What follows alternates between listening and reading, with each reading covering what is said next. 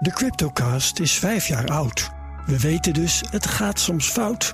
Dat is hier steeds weer voorgekoud. Maar wie zijn crypto altijd houdt, als was het elektronisch goud, dan daar zijn strategie op bouwt.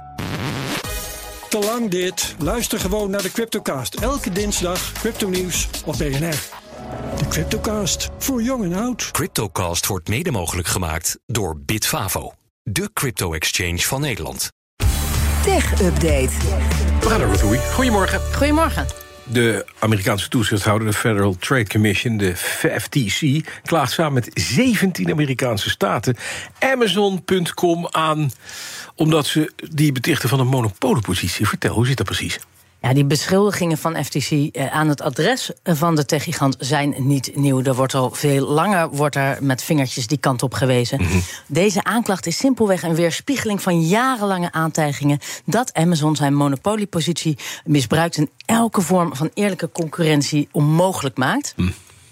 In de uh, aanklacht um, van maar liefst 172 pagina's wordt beweerd dat Amazon zijn eigen platform en diensten op uh, oneerlijke wijze promoot. Ten koste van externe verkopers die voor verkoop van hun producten ja, volledig afhankelijk zijn van Amazon. Mm -hmm. Want om je, nou ja, om je producten aan de man te krijgen, waar kom je al snel op uit? Op. Amazon. Mm -hmm.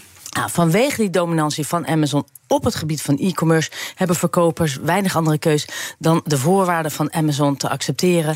Wat resulteert in hogere prijzen voor consumenten en een slechtere consumentenervaring. Want als jij meer moet betalen, dan denk je, nou, review uh, één sterretje.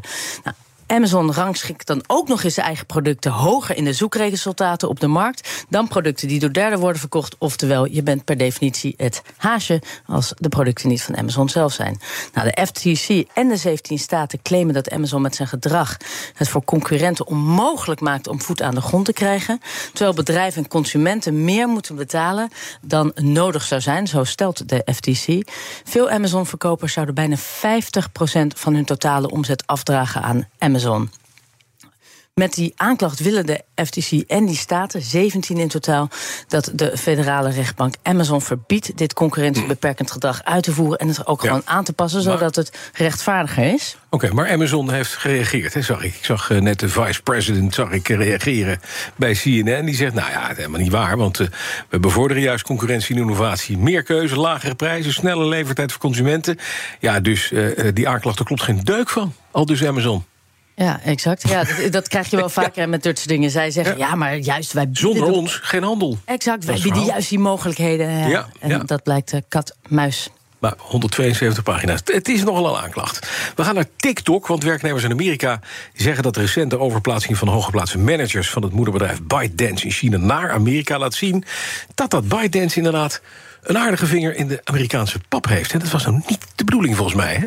Nee, nee, dat was het hele idee juist dat ze wat onafhankelijker van zouden worden. En TikTok heeft de afgelopen drie jaar ook geprobeerd de Amerikaanse wetgevers ervan te overtuigen dat het in dat land uh, volledig onafhankelijk kan opereren uh, van het in China gevestigde moederbedrijf ByteDance.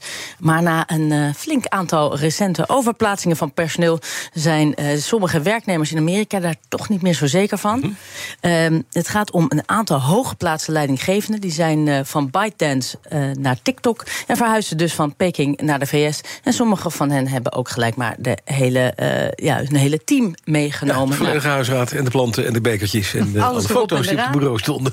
Ja. ja. Nou ja, en dan kan je dus afvragen, mm -hmm. ja, dat was toch niet helemaal de bedoeling. Ja. Ja, en, en dus baren deze maatregelen en deze overplaatsingen uh, een -hmm. aantal uh, in de VS gevestigde TikTok-werknemers grote zorgen. En die hebben nu uh, intern een klacht ingediend. Ze zeggen bang te zijn dat uit deze overplaatsingen en de taken die onder hen valt, denk bijvoorbeeld aan reclameactiviteiten, ja, personeelsaannames, dat ByteDance toch een veel grotere rol speelt in de activiteiten van TikTok um, ja. dan TikTok tot nu toe en naar dat, buiten heeft gebracht. Dat zeggen Amerikaanse medewerkers van TikTok. Die zeggen toch, China heeft enorme vingers in de pap. Ja, en het idee was dat dat losgetrokken zou worden. Exact, maar, nu... maar dat is dus niet het, het verhaal, nee. effectief. Maar, even naar OpenAI. Bedrijf achter ChatGPT is mogelijk al 90 miljard dollar waard. Oftewel, de vlag kan uit voor de mensen die aandelen hebben. Ja. En dat, ja, het is nog niet, nog niet naar de beurs gebracht, hè, uh, uh, OpenAI. Nee, dat is het, het, het is nog niet naar de nee, beurs precies. gebracht. Ehm, maar OpenAI, de maker van dus de populaire chatbot, praat inmiddels met investeerders over een mogelijke aandelenverkoop. Nou, en daarbij zou volgens de Wall Street Journal de start-up worden gewaardeerd op 80 tot 90 miljard dollar. Ja, het mooiste is, alle investeerders die erin zitten... zijn alle grote techbedrijven. Daar zitten de Googles van deze wereld in... en de Microsoft van deze wereld. die hebben allemaal, allemaal een stukje gekocht. 13 miljard dollar. Ja, dank u.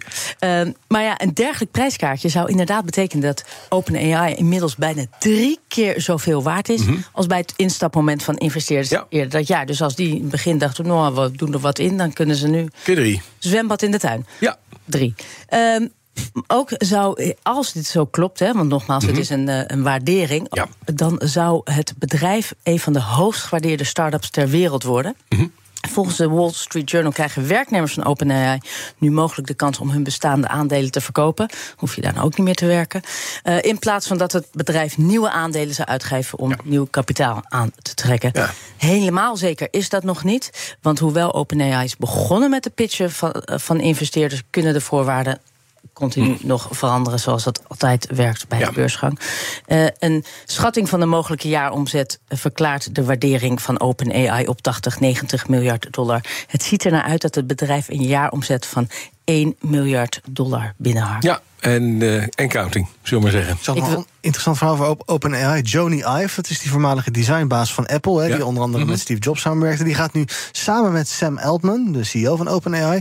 bouwen aan een hardwareapparaat voor kunstmatige intelligentie. Is bekend geworden. En ook SoftBank is erbij betrokken. Oké, Fascinerend verhaal. ja. Ik ben heel benieuwd van Joe worden. Biden. Je weet maar nooit. Ruth Oei, dankjewel. De BNR Tech Update wordt mede mogelijk gemaakt door Lenklen. Lenklen. Betrokken expertise, gedreven resultaat. De Cryptocast is vijf jaar oud. We weten dus, het gaat soms fout. Dat is hier steeds weer voorgekoud. Maar wie zijn crypto altijd houdt, als was het elektronisch goud, dan daar zijn strategie op bouwt. Te lang dit. Luister gewoon naar de Cryptocast. Elke dinsdag crypto nieuws op BNR. De Cryptocast, voor jong en oud. Cryptocast wordt mede mogelijk gemaakt door Bitfavo, de crypto-exchange van Nederland.